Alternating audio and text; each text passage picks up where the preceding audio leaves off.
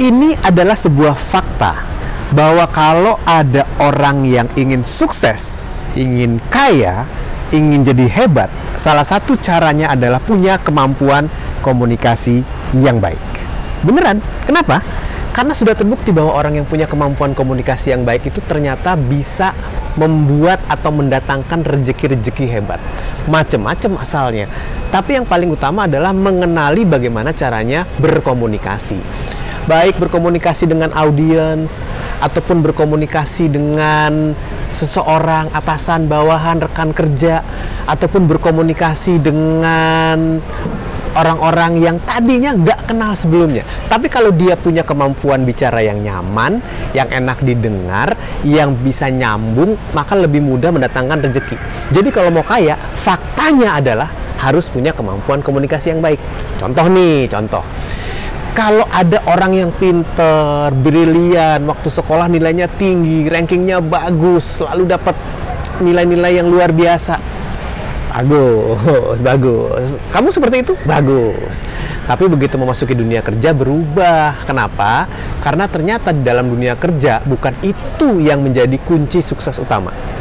Ya pinter bagus pasti, tapi kunci sukses berikutnya adalah punya kemampuan komunikasi.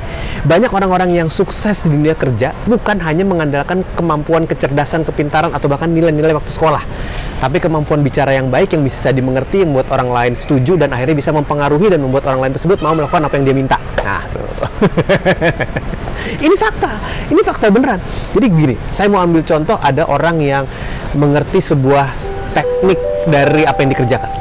Tapi ketika dia diminta menjelaskan, dia harus presentasi, ternyata kurang maksimal karena nggak jelas. Sama seperti pengumuman.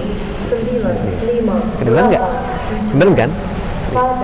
Ya, pesawat ke Padang akan diberangkatkan melalui pintu 28 enggak saya nggak mau ke Padang ini cuma pengumuman doang contohnya begitulah kalau kita mendengar sebuah pengumuman dan informasi bisa kita dapatkan dengan baik dengan jelas dan bisa juga lebih mudah dan lebih cepat ditangkap orang akan lebih mudah bergerak kepada apa yang kita umumkan tapi kalau pengumuman ini ngomongnya nggak jelas, mambling, ngomongnya terlalu cepat, suaranya tidak enak didengar. Hasilnya apa? Orang ragu-ragu untuk bisa percaya pada apa yang dikatakan. Atau bahkan orang salah arah, harusnya ke gate 28 jadi ke gate 18 gitu misalnya atau ke gate 8 gitu karena duanya nggak kedengeran. Nah itu adalah salah satu contoh bagaimana kejelasan dalam sebuah komunikasi bisa mengarahkan rezeki-rezeki baik kepada kita. Apa sih yang menjadi hal-hal penting dalam komunikasi itu? Yang pertama adalah kalau ngomong nyaman didengar. Berarti kita harus punya penggunaan bentuk suara yang nyaman didengar. Ini saya nggak harus bilang hanya orang-orang yang punya suara bagus yang akan didengarkan oleh lawan bicaranya. Bukan, bukan gitu juga. Tapi paling tidak dia punya kemampuan bicara yang tidak mengganggu. Kemampuan bicara yang bulat suaranya, nggak cempreng-cempreng banget. Kalaupun suara dalam tuh nggak dalam banget yang akhirnya jadi kedengarannya kayak bum bum bum bum gitu kayak nggak jelas. Tapi jelas Jelas itu membuat orang lain lebih mudah menyimak, itu pertama. Yang kedua, ada semangat saat bicara. Sehingga ketika kita bicara, orang lain lebih mudah untuk menyimak, mendengarkan. Karena apa yang kita katakan itu passionate, penuh semangat. Kalau kita penuh semangat menyampaikan, orang yang mendengarkan juga akan dengan penuh semangat. Kuncinya adalah tertarik pada materi yang disampaikan. Hanya orang-orang yang tertarik yang akan terlihat menarik. Yang tidak kalah penting adalah bagaimana kita punya kemampuan mengenal siapa yang kita ajak bicara. Karena sebagai seorang komunikator harus tahu betul bahwa ketika kita bicara kepada atasan, gaya bicaranya begini, pemilihan katanya begini.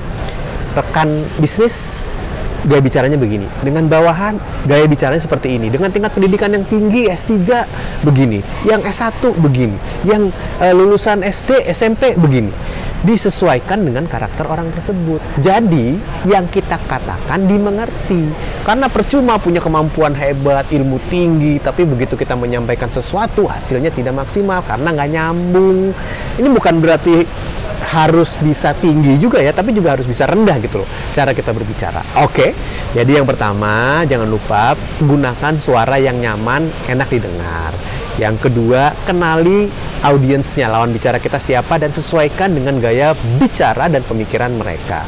Serta pastikan ketika kita berbicara ada semangatnya, ada passionnya, ada niatnya, ada ketertarikan. Karena hanya orang-orang yang tertarik yang akan terlihat menarik. Jadi, itu bisa membuat kita punya banyak sukses dengan komunikasi.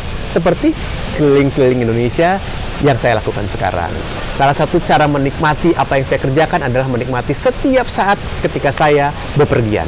Dan itu rasanya luar biasa. Karena kunci sukses dalam komunikasi dimulai dari diri kita sendiri. Saya Hilbram Dunar, Communication Trainer.